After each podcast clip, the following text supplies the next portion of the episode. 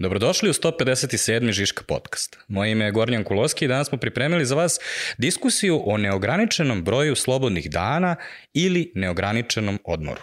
Naime, to zvuči kao super politika. Ko ne bi volao da ide na odmor kada god hoće i vrati se kada god hoće. Međutim, ako ste po, prirodni, po prirodi oprezno nepoverljivo đubre kao što sam ja, a verovatno jeste čim volite da slušate ovakve podcaste, onda vas verovatno nešto muči kada čujete ovakvu politiku. Naprimer, da li je previše dobro da bi bilo istinito? Da li je to na papiru sve super, a u praksi svi gladimo do de, glavimo do 9 uveče i niko ni ne pomišlja na odmor? Da li je ovo privilegija samo najuspešnijih IT kompanija ili možda i može da bude primenljivo i u nekim drugim industrijama?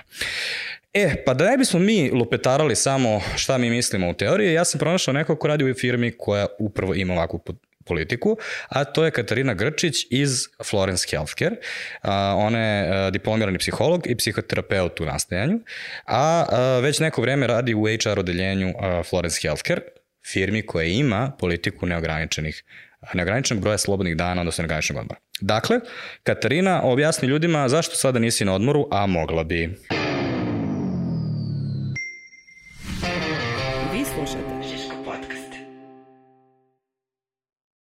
Zašto si me ti sprečio sa ovim podcastom, inače je vjerojatno bila negde na planini.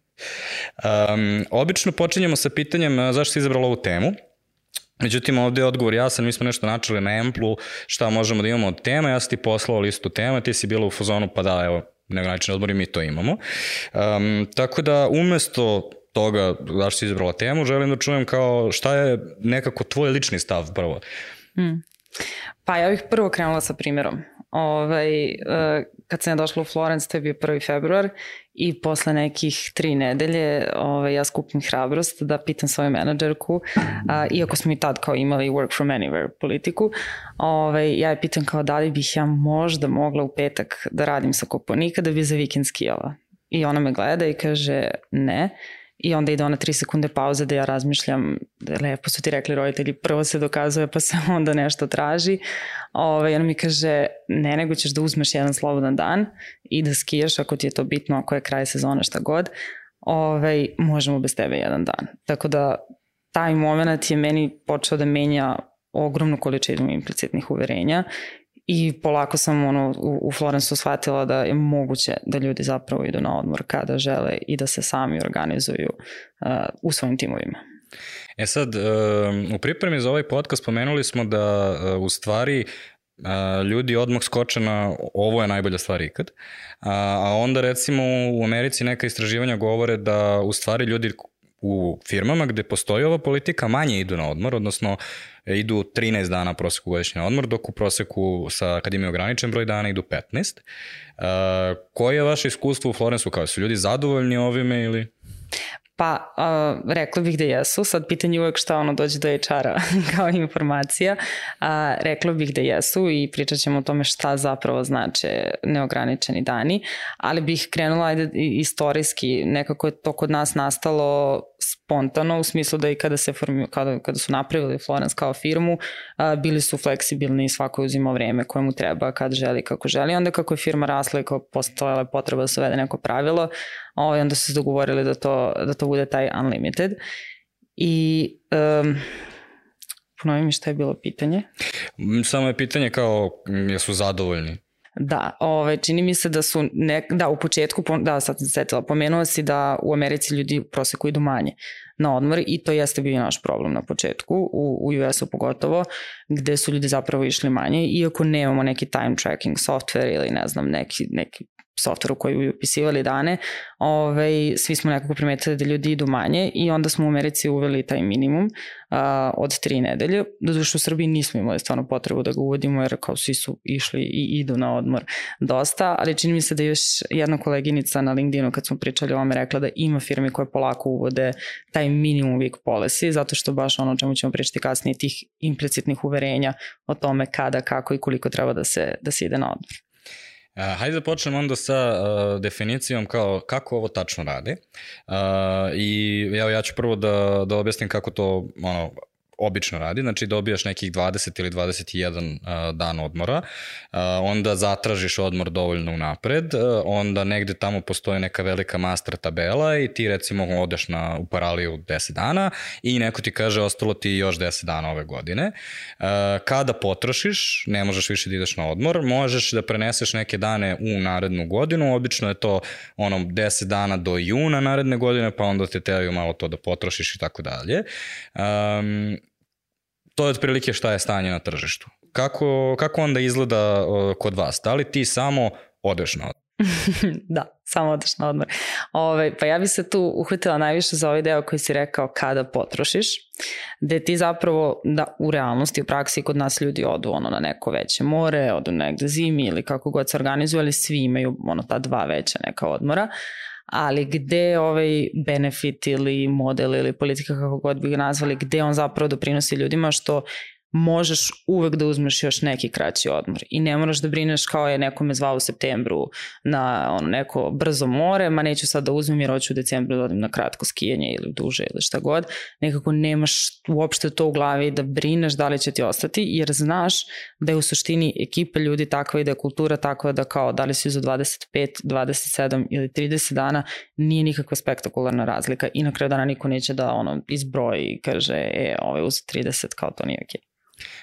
Do duše nije da uh, politika nije sasvim slobodno ono, uh, zdravo ljudi, ja sam jutro otišao na odmor uh, i doviđonsi. Dakle. Uh, znači potrebna je određena vrsta organizacije da bi se ovo desilo, da bi bilo moguće. Mm -hmm. Tako je, tako je. Ovaj, pogotovo sad kad pričamo o tim većim odmorima, apsolutno da. Realno je da ovaj, kad si deo od nekog tima moraš da se dogovoriš sa tim timom kad ideš na odmor i da se svi ti neki veći odmori najavljuju, odnosno najavljuju, ali u smislu dogovora, ne u smislu kao je ili ja smem to da uradim, nego je ljudi ili imamo prostora koja će da preuzme ovaj deo i tako dalje, ali za sve te neke kraće odmore zaista je takav osjećaj i to se dešava u praksi, da kao možeš dva dana unapred da kažeš ljudima ok, da ono, da ne radim četvrtak, petak, nešto mi iskrslo, idem negde i uglavnom se ljudi organizuju i sve prođe kako treba. Ja sam prvi put saznao u stvari za ovu politiku u Netflixovoj knjizi mm -hmm. i tamo su dali jako lep primer da recimo uh, odeljenje računovodstva njihovo gradi završni račun uh, poslednje dve nedelje svake mm -hmm. godine i oni su recimo tada izuzeti od politike, ono ne možeš baš uzeti baš tada odmor jer tada ceo mm -hmm. tim je u najvećem opterećenju cele godine. Znači, ona, imaš neku vrstu koordinacije mm -hmm. sa mhm. timom i a, da li vi imate neke tako timove koji su krucijalni u određenim periodima. Mm -hmm. Na primjer, u agenciji Q4 je obično ono naj, uh, najopterećeniji, recimo. Da, pa ajde, ako možemo da krenemo od rekrutmenta, ti zna se onako da imaju periodi kada ljudi menjaju posao i tako dalje i nekako jeste Jel? prirodno, da, Kada? ovaj, pa septembar i uh, pogotovo u US-u februar uh, nakon što legnu bonusi godišnji, onda ono imaš taj deo otkaze. Ovaj, tako da realno znaš kada će ti biti najveći, najveće opterećenje na poslu i sad da, mo, ono, verovatno nećeš tada ići na odmor, ali ne postoji pravilo, znaš, ono, kao, niko ti neće reći ne možeš tada. Normalno da zdravorazumski bi bilo dan, ako radim u računovodstvu, neću da odem ceo decembar na odmor, mislim, logično. Ovaj, ali nemamo, recimo, zanimljivo je mi kao razvijamo softver i sad imamo te sprintove, imamo velike rilisove i tako dalje. I čak se i tada dešava da ljudi uzmu veći odmor i dešava se da seniori uzmu veći odmor ili team leadovi, jer jednostavno ono što je naša filozofija je ako neko ne može da uzme odmor, nešto ne radimo kako treba. Znaš, ako kao tebi neko ne može da izađe iz tima na neko vreme i da tim nastavi da funkcioniše, ili pod jedan nemamo dovoljno ljudi, ili nekako ne organizujemo posao kako treba. A odakle je počelo ovo? Ko je prvi implementirao ovu politiku? Da li znaš? A, mislim da je Square Foot, da se zove a, agencija u Americi, oni su real estate bili i zanimljivo je da je njihov CEO je rekao da je to kao marketinški trik i to je meni potpuno suludo zato što de facto nije marketinški trik, de facto zapravo radi protiv tebe, a, odnosno protiv tvog nekog employer brandinga i, i, i marketinga jer u mom, u mom slučaju bukvalno svaki kandidat dolazi sa nekim nepoverenjem. I kao je, čekaj, imate neograničeno, ali to zapravo znači da niko nikad ne ide na odmor ili da idete ispod proseka, nekako vidiš da ljudi zapravo ne veruju tom sistemu, jer već je dovoljno, dovoljno dugo postoje na svetu da svi znamo da je vrlo pa problematično. Pa sad postoji već i kod nas, je li tako? Tako je, i kod nas. Već imamo Ima nekoliko... kod vas u Florensu? Tako je, ima Nordus, uh, videla sam za Small PDF, videla sam u komentarima Decenter, čini mi se, i sad ne znam, moguće smo... A, Grow IT, Čedomirović se javio isto. Šta? Čedomirović se javio za Grow IT, oni isto Aha, imaju. oni isto imaju, tako je. Ovaj, tako da da, ne definitivno bih rekla da nije marketinški trik, već da radi protiv tebe i moja lično isto kada sam bila na intervjuima za Florence je bilo kao ja ovo moram dosta da proverim, moram da ih pitam koliki je prosek, moram da vidim kakva je moja menadžerka, jer nemam tu garanciju da ću ići na odmah. Znaš, to, to ti nekako tvoj, bar meni bio implicitni stav. E, znaš šta, je, šta znači istočno pitanje? Ne. To je kao pitanje koje poistaju samo ljudi sa istoka, odnosno ovaj, nepoverljivi uh, Srbi. Da. I ja moram da te pitam sada, prvo, je li ovo zaista radi? Mm -hmm. U mhm. smislu, uh, ovaj, verujem da kod nas su ljudi po prirodi stvari nepoverljivi prema poslodavcima mhm. generalno mm -hmm. i da niko ne veruje da bilo ko radi nešto da bi kreirao kulturu, niti tako iz dobrote je, svog je. srca. To su sve ovaj, floskule koje se na, na, nalaze u nekim PowerPoint prezentacijama. Ovaj, tako da, prvo pitanje je Jel ljudi ovo zaupotrebljavaju? Jel ljudi odu tri meseca na odmor? da, to, to mi se putaknem da čekaj šta kao ja mogu sad da odem, ono, zaposlim se, odradim sedam dana i odem na Bali tri meseca. A, od svih podcasta koje sam preslušala, istraživanja, ne znam, članaka u različitim novinama, nigde nisam našla da neka firma imala problem sa zloupotrebom. Mi nikad nismo imali problem sa zloupotrebom. Problem je uvek suprotan da ljudi ne idu dovoljno na odmor. Znaš, jer kao često se dešava da se ovakve stvari uvedu zbog marketinškog trika i ne postavi se dobra kultura i dobar sistem oko tog uzimanja odmora i onda zapravo radi vrlo negativno za ljude koji su u toj kompaniji. Tako da ovaj, može da radi, ali ako se svi trudimo da proradi. E sad, e, druga stvar koja me tu ovaj, e, zanima je, ok, neki ljudi ga tretiraju kao marketinški trik, ali postoji još jedan način kako može biti mhm. skeptičan po mm -hmm. ovoga, a to je recimo baš sad relevantno ako pratiš, na primjer, celu frku oko Elona i Twittera, odnosno o svih otkaza koje on podelio, pa sad su ljudi krenuli da se zezaju kako ne može u stvari tako da otpusti ljude koji su u Evropskoj uniji zaposleni u Twitteru, ovaj, iako je on mislio da samo može kao u Americi da podeli otkaze. A to je uh, da li ljudi um, kada biraju o benefite, ovaj, mm -hmm. biraju ne, za posao, da li uh, tokom toga prioritizuju ovakve stvari koje su možda ne toliko bitne, a ne prioritizuju dovoljno stvari koje su um, na primer sigurnost u slučaju mm -hmm. downsizinga, na primer um, ono, ok, imaš na politiku neograničenih odbora, ali koja je politika na primer za parental leave, koja je mm -hmm. um, ovaj, Uh, odnosno za trudničko ovaj, i porodiljsko, koja je politika ovaj, za uh, rad vikendom, za rad van radnog vremena i tako dalje. Pa, znaš kako, uh, rekla bih da ljudi ne pitaju dovoljno na intervju. Ovaj, prvo ako što se tiče sigurnosti i, i cele krize koja je definitivno došla, um, iz mog iskustva IT nekako sigurnost posla nije bila tema, jer kao uvijek ćeš da nađeš neki drugi, uvijek treba programera i svih ostalih. Tako da mislim da će to postati sve veći i veći prioritet kao koja je sigurnost posla, ali ja nisam imala situacije da neko postavlja direktne pitanja na osnovu kojih može da zaključi koliko je firma kao stabilna, koliko je proizvod se dobro prodaje i tako dalje. Tako da bih rekla da to nije bio prioritet. A kada su benefiti u pitanju, opet uh, imam utisak da ih ljudi ne provere dovoljno. Znaš, da li, je to, da li su to slobodni dani ili ne znam, budžet za edukaciju i razvoj. Vrlo redko sam dobila pitanje ja, kao, koliko ste vi budžeta iskoristili ili koliko ljudi zapravo idu na odmor.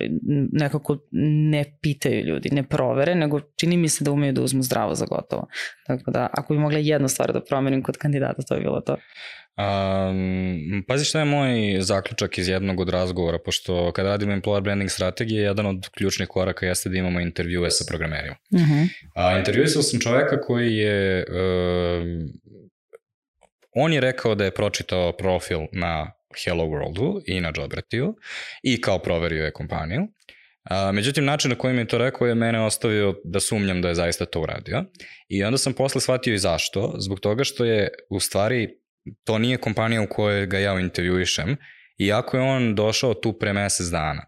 Znači, šta se njemu desilo? On je otišao u kompaniju koja mu je nudila veću platu, i e, tamo je bio mesec dana i za mesec dana je skontao u stvari da je sve haos I onda je se javio jednostavno paralelno, pošto je bio u još jednom procesu regrutacije za ovu kompaniju da bi mm -hmm. ja mhm. intervjušem, on se javio njima i bio u fazonu, ja sam se ipak zeznuo malo, jel vi dalje imate? I oni su bili u fazonu, da, naravno, i dalje nam trebaju senior JavaScript i još da god. I kao, razumeš, nekako oportunitetni trošak nije veliki, jer kao možeš uvijek da promeniš na kraju. Tako je, e, pa onda je da se vratimo na to pitanje uh, da li je kultura bitna. Znaš, jer kao, ako ja svi na papiru imamo sve, šta ti ostaje da proveriš? Postaje ti da proveriš kulturu kompanije, ostaje ti da pitaš tog nekog tek lida kojim ti intervjuše kad si posljednji put bio na odmoru ili koji ti bio način odmor ili kako si ti iskoristio um, taj, tu unlimited politiku firme da može da se ode koliko hoćeš na odmor. I kao pitaj nekoga i onda ćeš videti koliko je ljudima prijatno uopšte da pričaju na tu temu. Ako vidiš da se ono koji izvrdavaju intervju i ne pričaju, znači da tu verovatno nešto neštima.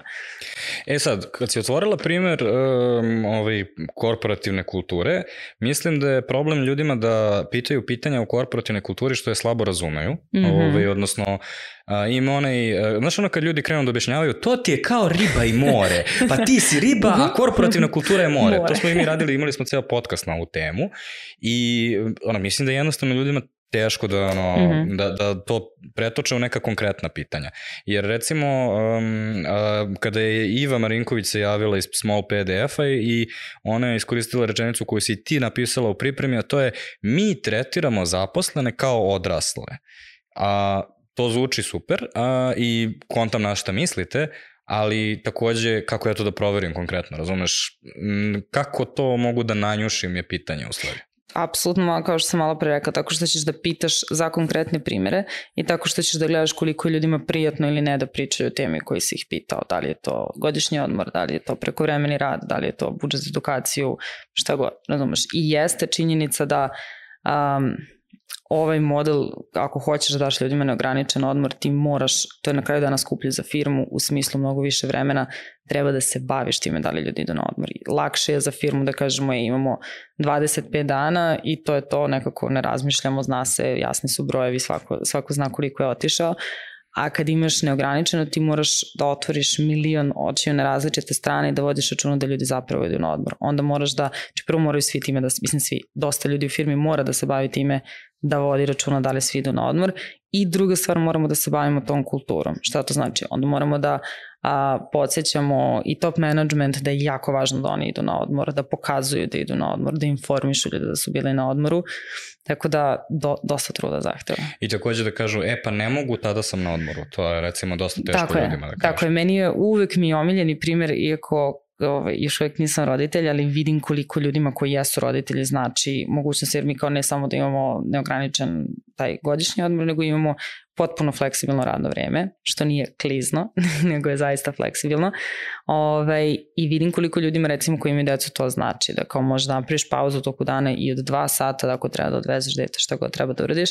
I Andres koji je osnivač, osnivač kompanije i trenutno CTO, uh, ima kao blok u kalendaru kada ide po svoju decu u školu. I svako od nas kada uđe viditi kaže, aha, čekaj, ako on ovo može, znači da je ovo sasvim ok i prihvatljivo. Um, Kada pričaš znači, za tako neke konkretne primere, zato što uh, recimo negativni primeri su dosta teški za pronaći i jedini negativni primer nam se u stvari javio Damljan Jovanović koji uh -huh. kaže mhm. moja žena radila u dve takve firme, u obe su ljudi dobijali nogu jer su ta pravila čitali as it is i što je najgore u oba primera su uzeli tipa dve, tri nedelje odmora, ništa strašno, ali je firma to tumačila kao nedovoljno angažovanje za firmu. E sad u isto vreme ti, kažem, da ovo se dešava u trenutku kada Elon Musk traži hardcore zakletvu ljudima mm -hmm. u mm -hmm. ovaj, ovom uh, Twitteru. Um, kako ljudi da onda, uh, ono, mislim da, da je to pitanje koje ljude najviše zanima na svakom intervjuu, a to je kao koji je tempo, kako, ono, mm -hmm. kako da, ono, kako da znam da jeste zaista fleksibilni i tako mm -hmm.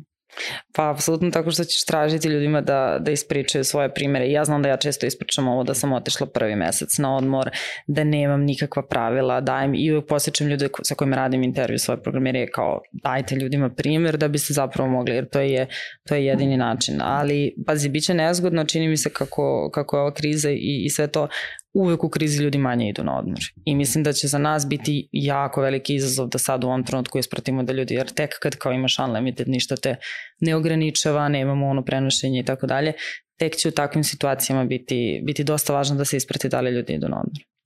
A, a koliko ljudi zaista koriste ove neograničene dane? Znači pričali smo o tome da dosta zavisi od toga kako se ponaša ostatak firme mm -hmm. i da u stvari ceo management mora da se usmeri ka tome da a, oslobodi sve, uključujući i juniore, da tako se ponašaju, mm -hmm. a, što znači i signaliziranje da sam ja bio na odmoru i tako dalje. Ali recimo vi imate zanimljivo iskustvo američke versus srpske poslovne kulture. Mm -hmm Uh, citirali smo istraživanje u Americi koje kaže da se u stvari manje ide na odmor. Tako je. Kao šta se dešava u Srbiji? Ne, u Srbiji ljudi zaista idu na odmor. Mislim da smo gledali, pro, pokušavamo, kao i ti proseci su isto dosta nezgodni jer nemamo neki software da upisujemo odmore. Ovaj, tako da smo iz Google kalendara nešto izvlačili. Čini mi se da smo videli da je negde 25-26 dana, što znači da ima onih koji imaju 30, što znači da ima onih koji imaju manje i plus ljudi nisu svi sigurno upisivali svaki odmor nekad u kalendar.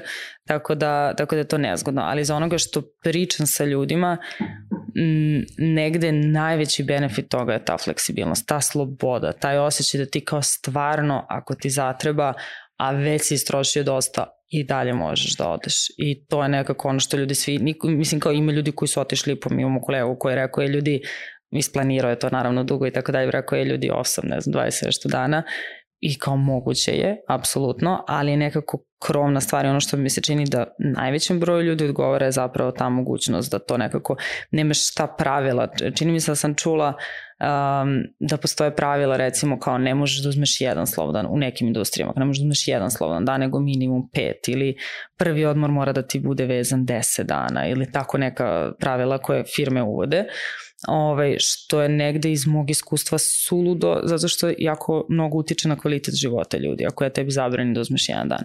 I nekako naša ideja je, ajde da se vodimo nekim zdravim razumom, kada ljudima šta treba, neka to rade i ono što je Iva čini mi spomenula to što smo rekli, a, nekako tretiramo te kao odgovorno biće. Ne moram ja sada da proveravam da li je okej okay da ti odeš još 5 dana na odmor ili ne.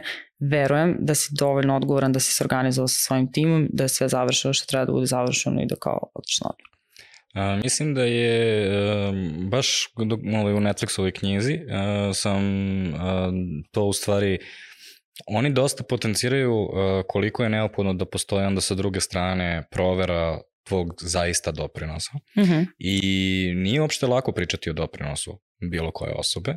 I ako zaista se trudiš da kvantifikuješ taj doprinos, i to je teško. Znači mm -hmm. onda imaš menadžerski problem da moraš ljude da, ono, da ohrabruješ i sve što smo pričali, znači teže ti je praktično da implementiraš ovu politiku, a u isto vreme teže je na evaluacijama jer ti se onda ne baviš, znaš, Katarina, ti si otišla onaj dan i onda kao to je sad veliki problem što se nisi, ono, ni, nisi javila ljudima jer si otišla jedan dan na odmor i tako dalje. Mnogo je lakše da pričamo o tome, to je konkretno, nego o tvom doprinosu, procesu rekrutinga u Florence Healthcare. Razumeš, kao to je mnogo teže da kvantifikovati. Pa jeste, ali zar ne bi bilo suludo da u bilo kakvu metriku produktivnosti ubacujemo da li je neko i koliko išao na odmor. Čak i da je fiksni odmor, da kažemo je kao u Katarininu produktivnost ulazi ne znam koliko je programera zaposlila, koliko je nečega još uradila i koliko je bila na odmoru. Mislim, zar to nekako... I imamo zilion jedno istraživanje koje je pokazalo da što više ljudi idu na odmor, to su više produktivni, inovativni, opušteni, zadovoljni poslom i tako dalje. Tako da, apsolutno... Sigurno, moja pojenta je samo da ljudi e, često biraju ono što im je jednostavnije da implementiraju. Apsolutno, sigurno sam. Znači, definitivno ovo nije jednostavnija opcija, ovaj, ali merenje, merenje produktivnosti čini mi se da je prvo preteška, preteška stvar za rešiti i čak i u, kao IT industriju koji ti može svašta nešto da izmeriš, opet je izuzetno komplikovano, ali mislim da ova politika nekako tu niti pomaže, niti, niti odmaže zapravo. Um, ali takođe kada ovo implementiraš, um, ovaj, moraš da budeš svestan da ovo nije stanje na tržištu i nije nešto što ljudi očekuju, pogotovo zato što, na primjer, ja imam tu duboko uverenje da ljudi jako često projektuju svoje lične vrednosti ili recimo nešto što su poneli kao vaspitanje od kuće, u svom radu. I Jelica Babić nam se javila sa jednim interesantnim primjerom, kaže u globalnoj uh, IT kompaniji.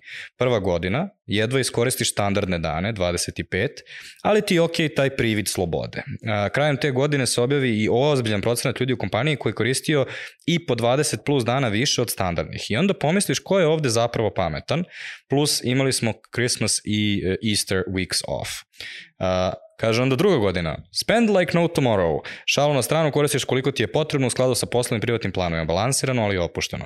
Mislim da je to donekli kao i ova priča, ono, Amerikanci su ono, kulturalno nastrojeni da će uzimati manje odmora od nas, Srba.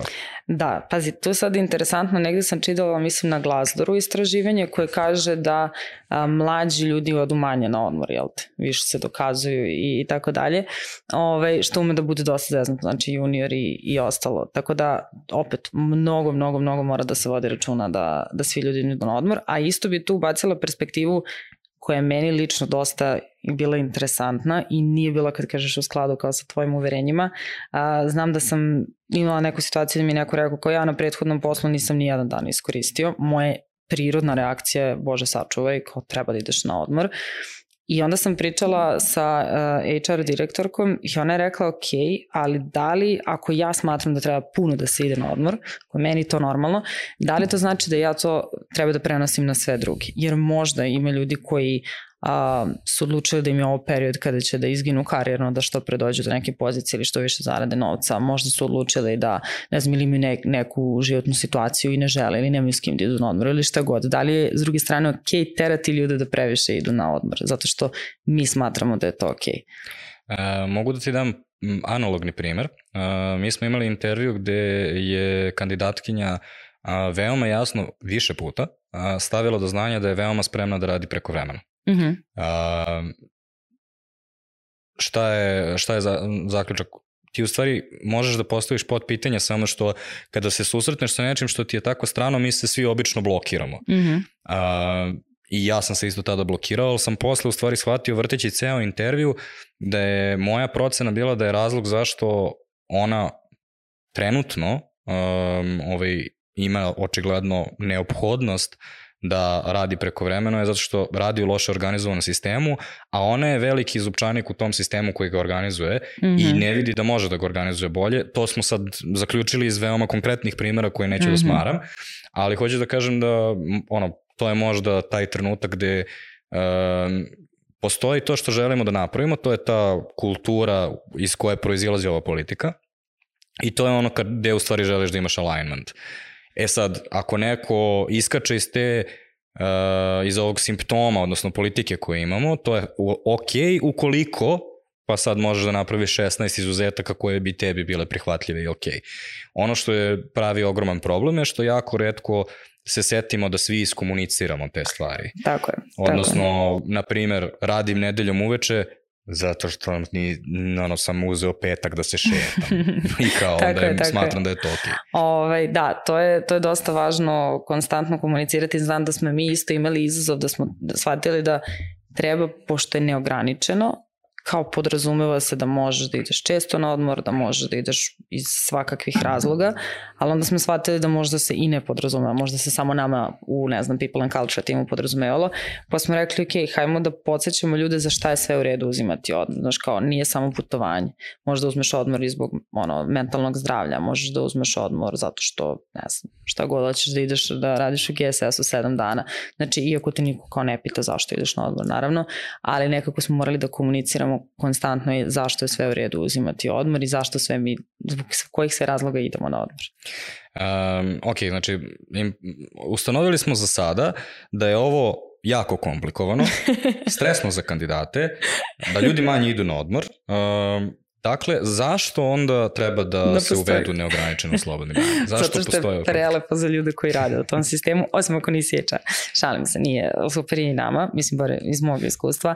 Ove, ovaj, da, zato što daješ taj neki nevjerovatan osjećaj slobode koji ja ono, ko ne znam koliko uspevam rečima da ga, da ga objasnim, ali samo zamislim moment da ti zaista ne brojiš i znaš da šta god, kao, šta god da ti iskrsne možeš da odeš. I taj osjećaj za mene lično sada neprocenjiv. Da je komplikovano jeste u smislu komplikovano ako se uvodi ad hoc, ako mi kao to nismo imali i onda smo smislili, ok, ne znam, ajde da nam to bude marketing strategija, onda to de facto teško da će da radi, zato što sad recimo da sa ovim iskustvom treba da negde drugde uvedemo ovu politiku, a, ja bih prvo sela da vidim koje su to implicitno uverenja menadžmenta i kao ljudi koji vode tu kompaniju. I sad ti imaš onu čuvenu teoriju McGregora koja kaže da imaš X i Y, pretpostavku motivacije X je da su ljudi suštinski nemotivisani, nezainteresovani, da ih moraš kontrolisati i tako dalje, a Y je da su ljudi sami po sebi željni da rade i da samo treba da ih osnažiš. I prvo bih bukvalno sela da popišem i da kažem, ok, čekaj, da li menadžeri sa kojima ja sarađujem imaju jednu ili drugu pretpostavku, jer u situaciji kada misliš da su ljudi lenji i da ih treba kontrolisati, meriti i tako ono, ograničavati, onda ovaj model nikako neće da radi. Jer iz tih tvojih pretpostavki će proizaći milion nekih sitnih ponašanja koje će zapravo dovesti do toga da ova politika ne politika model šta god ne radi, nego da se zapravo, da zapravo ljudi idu manje. Ali to, uh, pošto smo oboje završili fon, ali tako? Ne, ja sam psihologija. A, da, zaboravio sam. Ove, nego sad zato što si krenula sa ovime, ove, to postoji u fonovoj knjigi, knjizi psihologije mm -hmm. koja se uči na prvoj godini, ali ne znam sad kako je kod vas, kod nas postoji i zaključak iz tog celog, mm -hmm. te cele ujudurme, a to je da je teorija X dobra za a, poslove koji su po prirodi manuelni i repetitivni, mm -hmm. kao što je oni i dalje uzimaju rad na pokretnoj traci, kao što je, na primjer, šafljenje točka na Ford mm -hmm. modelu T. A teorija Y je nešto za kreativne zadatke u kojih spadaju pa sad dve tačke management, programiranje i sve ostalo što se uči na fonu. Um, tako da, ono, mislim da ljudi imaju i određene pre, predrasude da ono, veruju mm. da su ljudi po prirodi teorije X ili teorije Y, mm -hmm. ali takođe zavisi u kakvoj si industriji zaista. Tako je. Pazi, ja sad imam, uh, dva primjera sam se sad setila dok si pričao. Jedna je industrijska perionica veša, gde kao poprilično su jasni zadaci, nekreativni, da kažemo, man, ne rade na traci, ali su manuelni. I osoba koju poznajem koja je vodila uh, celu tu ekipu ljudi poprilično im je verovala i iz te slobode su proizašle neke ideje Znaš, tako da i isto sam slušala na, na Emplu je bilo vrlo interesantno predavanje uh, kad je jedna kompanija uvela ono da, im, da daš ideju i da si kao ti dobio to i od ljudi koji rade, ne znam, na traci ili šta god, koji rade manualne poslove. Znači, ako si ipak dao neku fleksibilnost, ja sam sigurna da među njima isto može da se, da se probudi mnogo veća motivacija i iz toga inovacija koja će firmi da donese dosta toga sa jedne strane, sa druge strane ipak e, mi često volimo da se zavozamo i svim ovim HR temama kao što je na primjer quiet quitting i tako dalje. Um, ovaj, često imamo tendenciju da zaboravimo da neki ljudi rade na primjer nadničarske poslove i da dobijaju platu na dnevnom nivou mm -hmm. i takođe da je taj posao po prirodi takav, znači ako ti imaš uh, konobare, oni ako ne dođu taj dan ti moraš da imaš drugog konobara koji ga zameni mm -hmm. i znaš da ti treba šest konobara za 16 stolova ili šta god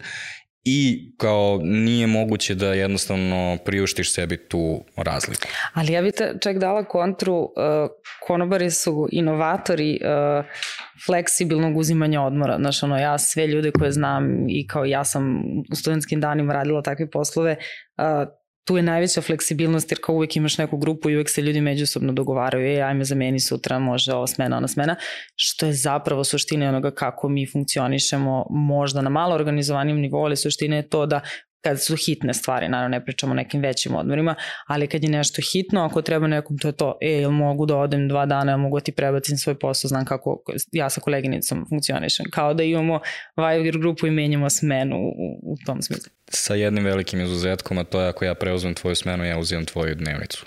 Tako je. I ovaj, to se ne dešava ovde. to se ne dešava. I poenta je da neki poslovi mogu da se pauziraju mm -hmm. uh, i kod nekih, po, recimo kod naših, uh, sad ovo mogu da izvučem kao primjer iz agencije, Um, ti možeš da pustiš nekoga da 5 sati radi na kampanji i ako ga dovoljno preopteretiš i ono, šalješ mu konstantno neke mailove koje mora da odgovara i tako dalje, ta osoba će da bude beskorisna tih 5 sati i ništa neće da... Mm -hmm. U isto vreme možeš da pošalješ drugu osobu da se šeta po Savskom keju i ovaj, ta osoba će se možda vratiti sa idejom koja će biti ta kampanja.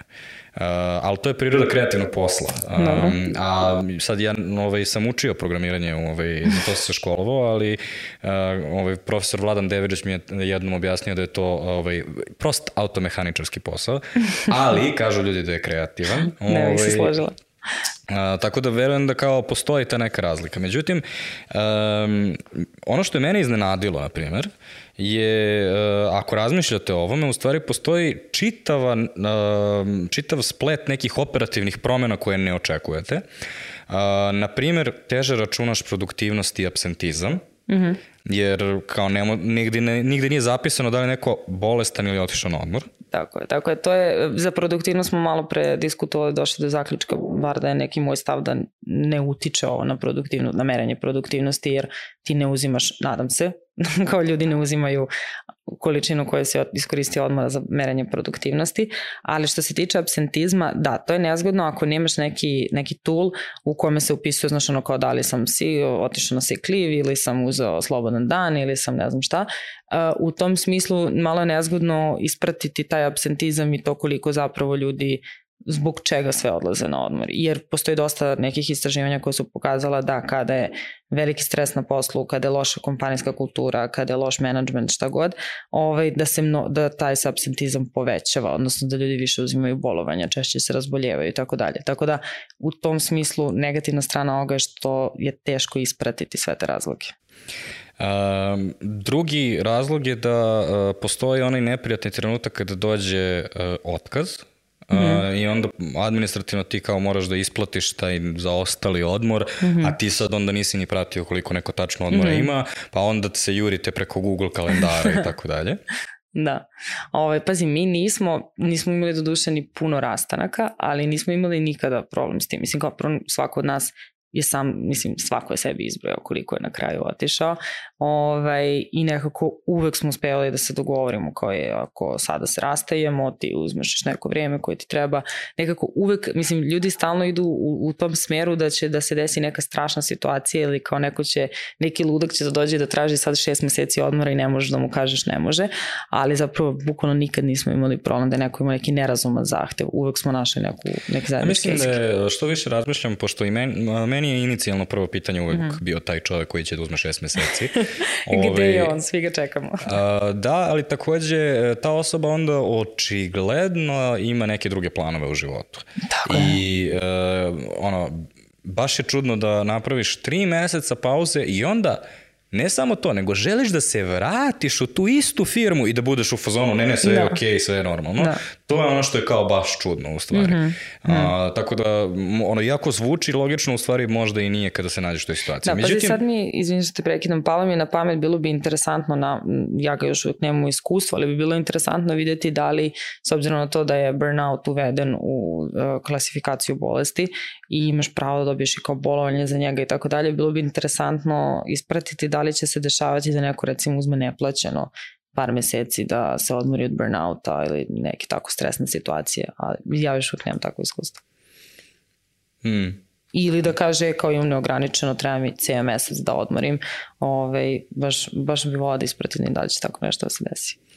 Uh, ako si radiš u kulturi u kojoj si sagoreo, ovaj, teško da možeš da se da, vadiš da na... Da, ne, teško da možeš da budeš u fazonu, pa da, i da se vratiš, to isto, ali takođe i da kažeš, ono, znate, ja imam zakonsko pravo na Naš. Da, ali pitam znaš, se... Znaš koga se sećam? Mm. Ovaj, baš uh, trenutno ovaj, postoji ovaj Olim podcast uh, ovaj, koji je dosta, dosta poznat i sad uh, između ostalog to su uglavnom venture kapitalisti mm -hmm. uh, i oni imaju ogroman problem sa svim ovima o čemu mi pričamo i uopšte ne kontaju uh, da su se generacije promenili, da neki ljudi, na primer, uh, ono, rade da bi živeli, a ne žive da bi radili. Tako je.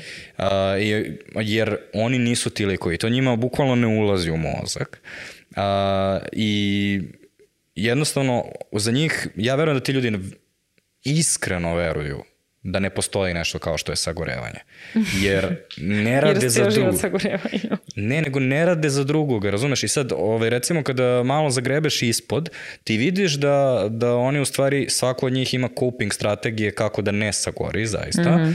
A, ali takođe ono što ono što je, mislim, dosta teško je ljudima na vrhu, da vide uh, sve okolnosti koje do, do, dovedu do toga da neko u organizaciji sagori. Jer mm. ako si ti CEO, ako si ti ono, vlasnik, ako si ti menadžer i imaš moć da promeniš svoju organizaciju posla, onda si ti najodgovorniji za obim posla od koga obično sagoriš, pa možeš mm. to da mhm. promeniš. Dovoljno je samo da ono, odlučiš to, odnosno da prepoznaš da se to dešava. Um, međutim, imam jedno istočno pitanje za tebe. Hajde. Uh, neki naši ljudi vole da karikaju one odmore mm -hmm. i mhm. ovaj, uh, recimo znam uh, jednu osobu koja nosi isto prezime kao ja, koja ima godinu i po dana slobodnih uh, na karikanu da bi otišla ranije u penziju. Aha, da li vam se to, to nekada desilo? Da, sad se pitam, uh, iako nisam pravnik, uh, kako to može, jer ti kao imaš, uh, ako pričamo, nemaš neograničen odmor, nego imaš e, setovan odmor. Nisam ja pravnik, ali bi rekao bih da uh, je problem u tome što oni imaju sindikat. A, sindikat, da. wow, to je... Ovaj, nisam siguran za ovo, ali ovaj, rekao bih da je to problem. Čak ne bi, kao, ne bi mogao, koliko sam ja upućena ti, ako ne iskoristiš do prve polovine sledeće godine odmor, on ti se gubi ili bi trebalo Tako da ti se Tako je u većini firme, kako ja znam. Isto, da. Uh, međutim, uh, u stvari imam i neistočno pitanje koje je iza mog istočnog Dobro. pitanja, a to je, um, ovaj, moj čale je stvarno ono, pripadnik jedne totalno drugačije mhm, generacije, mm -hmm. a, koja je imala totalno drugačije odnos prema poslu. Ovaj, ako, se, ako se sećaš, postoji ona srpska deviza, ne mogu oni mene toliko malo da plate koliko malo ja mogu da radim. um, da. I ono što želim da, da čujemo od tebe je kako ti vidiš trenutne generacije, mm -hmm. kao rekao bih da su to sada već ono ulazi polako Gen Z, mm -hmm. izlaze ono milenijalci, ali mislim da i te kao generacijske, na generacijski naziv možda nisu toliko ni korisni, ali kao koliko su ovakve politike bitne u ratu za talente mm -hmm. danas u ovaj, na tržištu. Da, to je ono, sad ima gomila istraživanja koja pretpostavlja šta želi e, Gen Z. Naišla sam juče neki nevjerovatno dobar video na LinkedInu, nisam uspela da nađem ko je čovjek koji ga priča, nigde nisu opisali, ovaj, koji kaže uh, kao tebi su se one starije generacije borile, bore, generacije borile za opstanak i za to da nekako naprave neku imovinu, nešto. Onda su sledeće generacije se borile za lifestyle i sada dolaze nove generacije koje imaju i kao neki koliko toliko ok život i imaju neki solidan lifestyle i za šta se oni bore. Šta je to bilo na srpskom ili na engleskom? Na engleskom. Odnosno čak, da li, nije na srpskom sigurno, možda Da, zato što mislim da je ovde, uh, ovo je najveća zamka pričanja o generacijama. Mm -hmm a to je da uh, ljudi pretpostavljaju da kao mil, opis milenijalaca koji postoji u zapadnoj Evropi i u Americi može da se prenese ovde. Na Srbiju, tako je. A mi ovde imamo problem u tome što uh, da, naši milenijalci su u stvari post-tranzicijci. Odnosno, uh, ljudi koji su prvi došli do privatnih poslova posle tranzicije I recimo, danas ja to čujem baš redko, ali možda se sećaš tih priča, ono, da su roditelji ti govorili bolje da se zaposliš da imaš siguran Tako, posao. Tako, da imaš siguran posao. Ja sad moram da citiram svog tatu koji meni nekada, pošto kao često radim od kuće, onda me, on kad me zove na telefon, pita me jel radiš ili si od kuće? kao ne možemo da radimo od kuće i neka mi kaže kao jesi kad si bila poslednji put u firmi? Ja rekao je pa ne znam, možda nisam bila već dve nedelje. Kaže on meni, a idi sine malo da te vide. Ja rekao, tata, ovo što treba da me vide su u Americi. da, nema. Ali da se vratimo na to, mislim, prvo su ludo je govoriti kao, e, ova generacija hoće to. Vrlo je važno pitati ljude. I ja nekako moj omiljeni deo intervju u procesu svakom je da razumem šta tebe motiviš. Nekog, I da razumeš da postoje različite faze. Pa sad nezavisno od toga u kojoj si generaciji, nekoga u nekoj fazi života motiviše isključivo karijera, nekoga motiviše stabilnost i tu kao ima sto nekih faktora ali ono što je de facto, što se meni nekako čini i što sam viđala po istraživanjima je da ljudi sve više traže da imaju to ispunjenje na poslu. I ja, bukvalno, svaka, svaka, svaka osoba ikada s kojom sam pričala na intervju želi, uh, glavni razlog je da želi da pređe negde drugde da bi nešto novo naučio.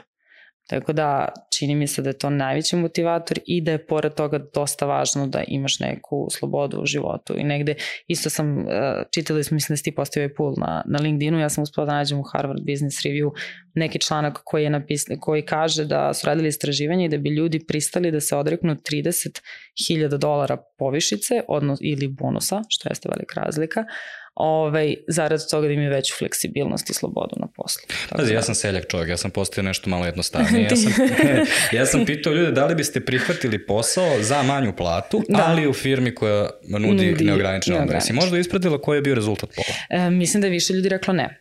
Jel tako? Jeste, ali, ali značajna manjina od 40% bi u stvari prihvatila manju Prihvati. platu u slučaju da firma nudi ograničeno. Pod još jedna stvar koja, koja je bila dosta bitna, a to je svi ostali uslovi su, su u tom hipotetičkom uh, primjeru tako jednaki.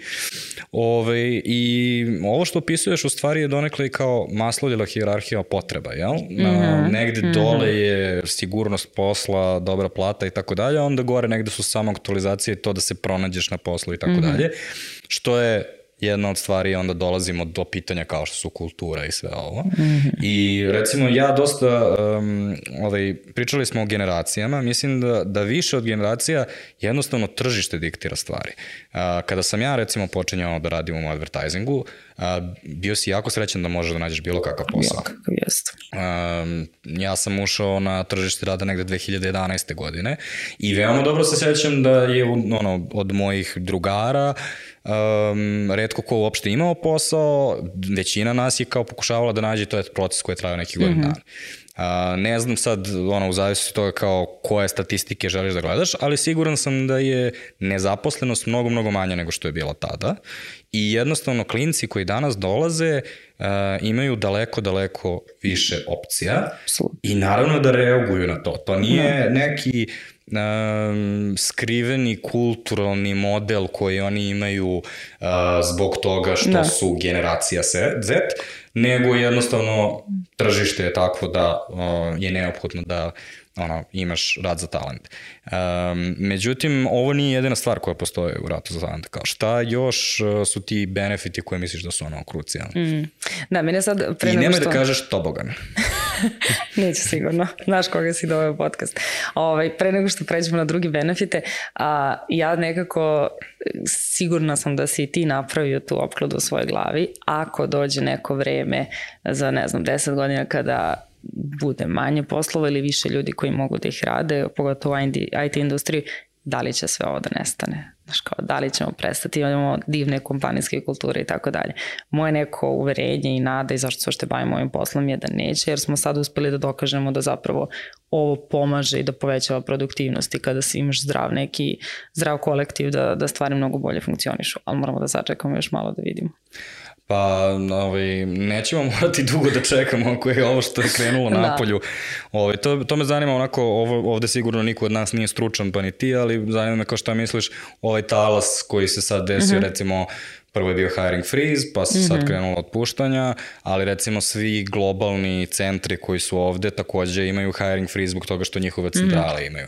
Kao mm -hmm kao šta je tvoj outlook za narednu godinu? E, fenomenalna, fenomenalni komentar je imala koleginica jedna moja iz uh, Amerike, koja je rekla nešto u smislu krenuli smo da pričamo onda smo, pot, onda smo videli da kao imaš industrije koje su poprilično stabilne, uh, koje sada ono, imate hiring freeze ili tako dalje i nekako pogotovo u Srbiji se to desilo u desetak dana, bilo je kao kompanije koje smanjivale, ali prošle i pretprošla nedelja se nekako desilo na dugme, znaš, kao uđeš na džobret, ima duplo manje poslova. Ovaj, I onda ona rekla, imam osjećaj da je ovo neki kao global exercise, znaš, kao sad je Facebook to radio, sad je uradila to, ne znam, Twitter, kao daj mi sad to da uradimo. Tako da nisam sigurna koliko će trend zapravo da opstane, jer nisam sigurna da su to odluke koje su donete da je došao kao finanski direktor i rekao, e, slušajte, moramo da zaustavimo zapošljavanje jer kao nemamo love, ili je neko rekao, e, ljudi, ide kriza, ne znamo šta će biti, ne znam, ili ne prodajemo više dovoljno software, ajmo da zaustavimo. Tako da, pitanje je odakle došla odluka. A, a, to je sad, mislim da nigde, nikad ne postoji zaista taj trenutak. Ono što postoji je pritisak sa raznih starana, raznih stakeholdera i, na primer, ne znam da li si ispratila, ali recimo jedan od velikih investitora u Google je pisao, otvoreno pisao Sundaru Pečaju, ovaj, koji je CEO, um, i objasnio mu je kako pod A Google ima previše zaposlenih, ali pod B da su oni previše plaćeni kao zaposleni, da imaju previše privilegije, između ostalog i privilegije kao što je neograničen odmor. Um, Google ima neograničen odmor?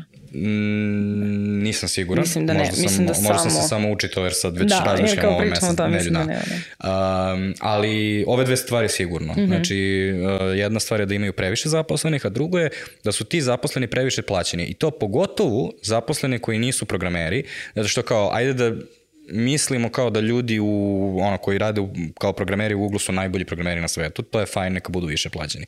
Ali ljudi koji se bave marketingom i salesom, po njemu su isti ljudi koji se, što ja mislim da je takođe nije istina, jer kao ljudi, Google uzima najbolje da se bave marketingom. Um, međutim, što sad pitanje je uh, odakle njemu uopšte um, autoritet da priča o tako nečemu, jer on je ipak kao samo jedan investitor od mnogih i mislim da ono, ima možda 2% ovaj, ono, celog, uh, celog alfabeta, uh, što je kao mnogo više nego što ja ikad imati, ali uh, ljudi preispituju kao, ok, ti sada znači uh, ono, donosiš odluku umesto CEO na osnovu čega? Znači na osnovu mm. nekog njegovog osjećaja. Isto tako je i kao da li je 11.000 zaposlenih u Meti moralo da dobije otkaz ili je bilo bolje da na primjer Mark Zuckerberg je smanjio svoju investiciju u metaverzum koji ono, je Absolutno. raspalio 15 milijardi dolara Absolutno. samo ove godine. Uh, međutim imam jednu drugu teoriju, mm -hmm.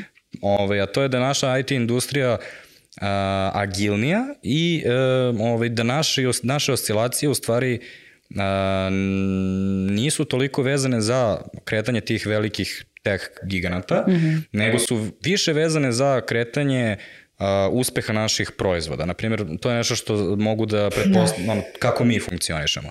Znači, nas će sad da udari recesija i marketing budžeti su prvi koji se katuju. Da. Međutim, u isto vreme, uh, ako mi uspemo da realizujemo uh, jednog, na primjer, stranog klijenta, mi smo više nego nadokladili taj pad koji će se, na primjer, desiti. Mm -hmm. Zbog toga što oscilacije koje se dešavaju u našem biznisu su na godišnjem nivou 30% gore dole, mm -hmm. a ono, ove stvari kao na kraju imaju udar daleko manje. Mm -hmm. Apsolutno, da, mislim, tu se dosta slažemo i ja sam čak pomalo uzbuđena da vidim kako će sve to da se odvija i koliko će zapravo da traja, ali negde da se vratimo na tu krovnu temu benefita, a, mislim da će se sve zadržati, mislim da će se kulture zadržati i želim da verujem u to, ali morat ćemo malo da sačekamo bar par meseci da vidimo da li će zapravo da se desi taj pad. Um, pazi, ovo je nekako jedan od onih um, Možda će ti, šta misliš kao, da li će ti suštinski benefiti koji proizilaze iz mhm. kulture kao ovaj, mm -hmm. možda lakše da opstanu nego nešto kao što je dobit ćeš besplatan fit pass? Mm -hmm.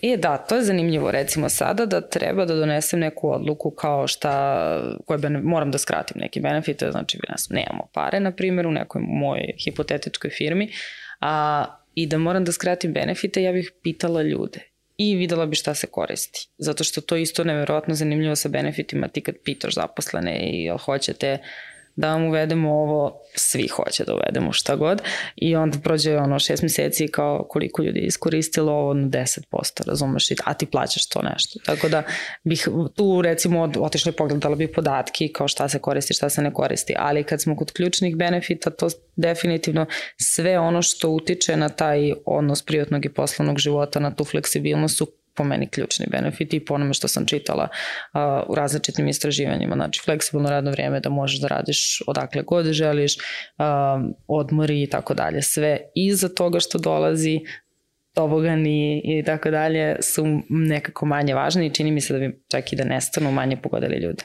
Uh, sad nekako smo počeli da delimo benefite, znači sa jedne strane mm -hmm. uh, postoje ovi kao suštinski koji utiču na mm -hmm. ovaj, samo aktualizaciju. života i da. A sa druge strane postoje konkretni mm -hmm. koje ne koriste ljudi, kao što rekla si kao možda je FitPass jedan od tih, zavisi od kompanije do kompanije da. sigurno. Ali imaš recimo i e, konkretne benefite koje ljudi puno koriste, a koji su možda baš luksuz, kao što je recimo Nordeusova kuhinja. Mm, da, da, kako, to je fenomenalan benefit. da, Znam, svi da koji radi u Nordeusu su veoma ponosni na to. Da, da, da, da sam neko ko radi u Nordeusu i da treba da odlučim, ne bi to ukinula. Kao ne ti idete na odmor, ali imamo kura. Ove, šalim se. Jeste, pa da, možeš da, možeš da razvrstaš i ceo taj, pa, ceo taj paket benefita vezan za učenje. Mislim, tu bih stvarno izvojila ono Culke kao kompaniju koja je po mišljenju pokidala, zato što su oni uspeli to toliko da personalizuju i da reše taj problem nekorišćenja, znaš, da nekako nisam ni dalje 100% sigurno uspela sam malo da skontam kako funkcioniše, ali ono što sam čitala kao feedback na to je da su ono maksimalno personalizovali benefit i omogućili ljudima da izaberu, što je nekako po mojom mišljenju ono što čemu treba teži svaki uh, HR. E sad, postoji i poslednji uh, ovaj deo toga, to je um, simbolični benefiti. Mm -hmm. I uh, ovaj, u jednoj firmi uh, koju znam, uh, ukinuli su La Fantanu. Uh, I vratili su kao, ne, ne, pijete sa česme. Ja ti se kunem, narednih šest meseci, niko nije otišao da, do direktora i rekao zašto ste ukinuli La Fantanu, ja baš obožavam La Fantanu. Mm. Ali na svakoj cigari koje su ljudi izašli sa posla, kao, joj, kao, ukinuli su La Fantanu, jel možda veruješ koliko smo jadni, da, nema da, para da. ni za šta, ali, e, ali to je to, ja mislim da, da bi zapravo reakcija ljudi pre bila, ne znam da li mi treba La Fantana, ali kao sad je nemam, ne, ne, znači nikom, da nemamo ne, pare, razumeš. Znači, ljudi uopšte ne registruju to, ali jednostavno ako, u, ako ukineš nešto što je mm. baš po prirodi dovoljno malo, mislim tako da će ljudi baš da kao da overreaktuju na to. Jest, jest. A, tako da možda je ovaj, recimo, A, dobar primer za to su uh, ovaj, rekonfiguracije kancelarija koje su desile posle COVID-a. Kao mm -hmm. sa mhm. jedne strane, mogao si da budeš u fazonu, a pola kancelarije zatvaramo, a ono što recimo su neke kompanije poput Fishing Bookera uradile je pravimo našu kancelariju da bude još bolja za no, fleksibilan rad, post-covid i tako dalje i onda kao niko nije ni primetio da fazon, aha, oni su ceo sprat u stvari skratili ovde, ali kao sad to izgleda totalno drugačije, ima mnogo više common space-ova i tako dalje. Mm, da, nisam, nisam znala to za, za Fishing Booker, ali pazi, mogu da de facto se pojavljuje situacija da firme nemaju dovoljno prostora da svi dođu.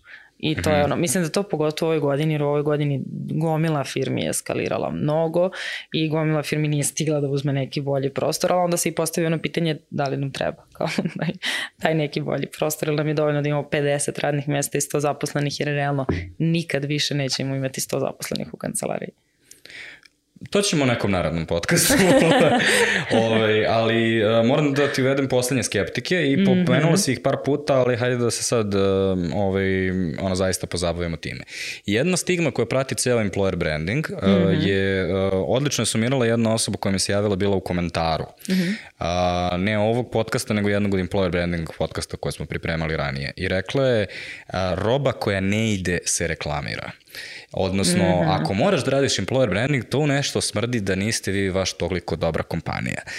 Preneseno na ovo, taj, znači malo jači slučaj od uh, ovo se radi zbog marketinga je, pa ovo morate da uvedete zbog toga što niste baš kompanija u kojoj ljudi žele da rade. Da, pa pazi, u ajde, slučaju Florensa to postoje od prvog dana nekako, to ono što smo pričali, spontano se desilo.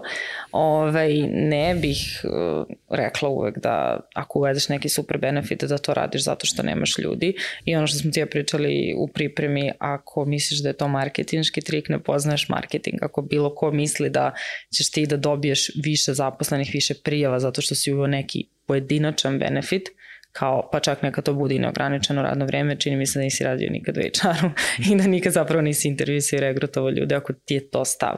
Ovaj, definitivno ne, baš mislim da nije marketinški trik i da nekako nije, ako to radiš, znači da ti ne ide. Razlog zašto moraš da radiš, mislim moraš zato što je dobro raditi employer branding je zato što imamo sad već more kompanije i tako dalje i ti nekako moraš da objasniš ljudima šta ti jesi.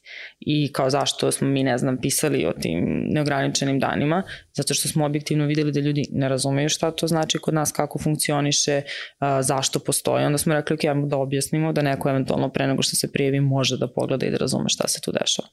Mislim da je u popularnoj kulturi i to pogotovo uh, su stand-up komičari uh, poznati po tome, ovi američki. Uh, na primjer Bill Hicks, na primjer i kao moj idol George Carlin. Uh, su spremni da kao marketing je nešto zlo i mi tu Aha, nešto izmislimo da, što ne postoji da. i onda magično te okrenemo ka tome što ti ne želiš izmanipulišemo da. tobom. To je recimo i Yuval Noah Harari je imao ovu knjigu 20 lekcija za, 21 lekcija za 21. vek, gde čovjek je baš ozbiljno pročitao brošuru šta može da uradi Google Ads, ali kao ja koristim taj softver i znam da nije toliko pametan koliko piše u brošuri. I nas jednostavno, zbog toga što od samog početka marketing profesije postoje ljudi koji izađu i kažu ne, ne, ja mogu sve, veruj mm -hmm. mi. I ovaj, postoje ljudi koji su to radili u 20-ima, postoji Claude Hopkins 28. godine koji je napisao da je sve u marketingu rešeno. Sada je marketing nauka koliko i automehanika. I to je tada bilo netačno i netačno je narednih 70 da. godina. Da. Ne znam da li se sećaš Cambridge analitike, ali... E, da, gledala sam te bio oni dobar dokumentarac o tome. Ovaj, kada su oni, kada još uvek nisu pukli kao napravili su dokumentarac, oni su bili jedan od najvećih kejsova u našoj industriji jer su pričali o psihografiji. Mm -hmm. i sad u to vreme kao ti istražuješ šta su ti psihografski profili i onda su u fazonu oh my god, ovi ljudi znaju da koriste targetiranje na Facebooku. I kao stvarno nije toliko fascinantno. I na kraju se ispostavilo da sve što su oni tu radili nije bilo ništa ozbiljnije od ok, malo naprednijeg, targetiranja mm -hmm. na Facebooku. Mm -hmm. Ali su oni to nazvali psihografijama i onda mi Pazi. ćemo da kontrolišemo vaše mozgiće. Fenomenalno, super što kao ja sam psiholog, ti si marketing li, kako smem tako da kažem. Ovaj, obe profesije prati da to kao psihografija ili ti imaš u psihologiji celu granu a, psihologa koji se bave da razumiju potrebe potrošača, kako da ih ti, onda behavioralna psihologija vezana za marketing i tako dalje. I moje iskustvo je da ljudi kad koji nisu u tome kada se susreću misle da to može da urednaš, kao sad ćemo mi da skapiramo ne znam nija šta o potrošačima i da napravimo bolje targetiranje nego ikada, ali to baš u praksi kao što i ti znaš a, ne funkcioniše tako. A ono kako funkcioniše u stvari Uh, I recimo ovo je uh, baš očigledno u employer brandingu, jer uh, advertising je postao toliko kompleksan da jako malo ljudi može da zaista kontroliše brand strategije i pogotovo zato što jako puno proizvoda koji se na domaćem tržištu reklamiraju u stvari nisu postavljeni na domaćem nego su globalni. Ali na employer branding strategiji ti možeš da uh, pronađeš šta je u stvari brand koji treba da prodaješ. Tako je. I to je naš prvi zadatak. Naš prvi zadatak je da dođemo i kao, ok, a šta ste vi u stvari? I onda dobijemo obično neku floskulu koju su ljudi onako nekako uspeli između sebe da, da skontaju. Međutim, posle jedno pola sata nekog intervjua sa top managementom, sa ovaj, nekim novim zaposlenima i tako dalje, ti dođeš u stvari do toga da svi veoma dobro znaju šta su, i kako se razlikuju od drugih i da mhm. sve što je potrebno da uradiš jeste da to jasno kažeš u kameru. Tako je, istinito da kažeš to što jeste. Zapravo, vi ste super, ovaj, kada smo sarađivali na našem employer brandingu, a, meni je to mnogo interesantna priča jer smo mi imali uverenje a, da su ljudi, da ljudi dolaze u Florence zbog proizvoda i zbog činjenice da je i prvo zato što je kao healthcare i zato što radimo stvarno neverovatno zanimljive stvari i korisnu. Ovaj, i da zato što kao postoji posebna poseban je tip kompanije kad imaš svoj proizvod, znaš, kad nisi outsourcing. I to nam je ovaj, bilo uverenje. I onda ste vi uradili vašu strategiju i rekli ste nam da smo potpuno promašili i da su ljudi u Florensu tu zbog kulture. I to baš tim rečima. Kao to je to, to je ta kultura. Tako da eh, ne, ne, ja, ja employer branding ne vidim kao prodaju. Znaš, ja stvarno to vidim kao izađi glasno, jasno reci šta jesi i kada dovoljno jasno kažeš sam si sebi uradio super stvar jer kao otići će pola ljudi koji to ne želi. Ovaj, tako da to je, jer, jer je specifično, znaš ti u marketingu imaš pot, treba ti da prodaš, što, uglavnom ako pričamo o prodaju proizvoda, što više nečega. Ti u employer brandingu ne treba da imaš što više nečega, odnosno ako misliš da treba da imaš što više kandidata, grešiš, ja bih rekla, treba da imaš što tačnije, što kandidate koji će što bolje da, da srađuju sa tobom, tako da. E pa ovaj lik koji je bio na Amplu, zaboravio sam sad kako se zove, ali ima odličan uh, siže toga, zove se Give and Get, mm -hmm. uh, Give and Get of Employer Branding je mm -hmm. knjiga mm -hmm. uh, i onda je on u stvari napravio paralelu da u stvari bi najbolje bilo da ljudima kaže kaže šta je loše u kompaniji, Absolutno. ali šta to loše omogućava dobro, jer time ljudima odmah jasno signaliziraš ono, koji ne žele da rade, nemojte se ni prijavljivati. Apsolutno. I da na taj način dugoročno u stvari stvaraš mm. ono kvalitetni Pa da, naš, naš primjer je recimo ja obožavam kada nekom pišem na, na LinkedInu, ja obožavam da napišem da, smo, da sarađujemo sa Pfizerom i da smo kao dosta doprineli tome da vakcina izađe na tržište i kao super se jave ljudi koji kažu ne pada mi napome da radim, za to vakcina je zlo, ja sam ono kao skroz ok, super, tamo pa bolje niko, da saznaš... Niko se nije iscimao, čak nismo ni inicijalni intervju zakazali, već smo se razumeli da se ne razumemo, što je sasvim ok, tako da. E, međutim, i posle svega ovoga, mm -hmm. um, recimo, um, u prvom pitanju koje sam postavio na LinkedInu se razvila ova cela diskusija iz koje smo izvedili primere. Mm -hmm. Kada sam postavio LinkedIn poll, nije se razvila diskusija, neki ljudi su samo komentarisali mm -hmm. i uh, ovaj, i dalje možeš da vidiš nevericu posle Tako svega je. ovoga i recimo Sandra Nešić je napisala dobro ćete se osjećati i sa ograničenim brojem dana, ali sa saznanjem da su vaš tim i vaša kompanija tu za vas kad je potrebno na pravi način, naravno sa finansijskom kompenzacijom sa kojom se osjećate kao da vas zaista cene. Tako je. I ja bih, Ali nije međusobno isključivo. Tako, ja bih rekla da je uh, Sanja u pravu, znači ti možda imaš fenomenalnu kompanijsku kulturu i fenomenalan tim ljudi bez neograničenog radnog, odnosno slobodnih dana. Jednom sam da neko, jednom sam nekom rekla na intervju kao neograničeno radno vreme i oni kao šta, radimo za uvek i uvek. Ove, ovaj, ne, uh, mislim da ono u pravu, znači možda imaš super kulturu iako imaš ograničeno vreme, uh, odnosno ograničen odmor, ali s druge strane moraš da imaš fenomenalnu kulturu ako hoćeš da imaš neograničan odmor. Jer kao ako nemaš baš dobru kulturu, ako nemaš poverenje u svoje ljude, ako timovi ne umeju da sarađuju, da se dogovaraju, ako su konflikti oko uzimanja odmora, bolje nemoj kao da budiš neograničen. E, Kaća, hvala ti puno što si istražila temu i pripremila se. Um, a vi ako ste došli do ovde, uh, onda vam se dopala naša priča, zapratite nas na našem YouTube kanalu ili svim audio platformama ili nemojte. Naime, ja uvek kažem, pošto je ovo podcast, stvari o kojima mi pričamo ne zastarevaju, ova tema će sigurno biti relevantna još tri godine. Uh, isto kao što će biti i neke druge teme koje smo već obradili, pa možda je bolje da jednostavno zaređate po našem feedu i pronađete teme koje vas interesuju.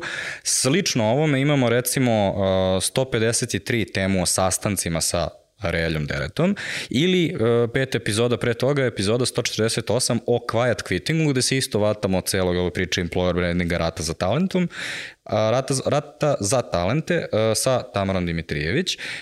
Čuli ste da smo bacali neke primere i ovaj, imena tokom podcasta, to je, ja pokušavam da pripremam ove epizode na, na našem LinkedInu, to jest mom LinkedInu ličnom, tako da možete me zapratiti tamo ako se želite se uključite. Želim vam do slušanja, jer podcaste niko živ ne gleda i odak da nađem neku novu žrtvu da pripremi neku narednu temu.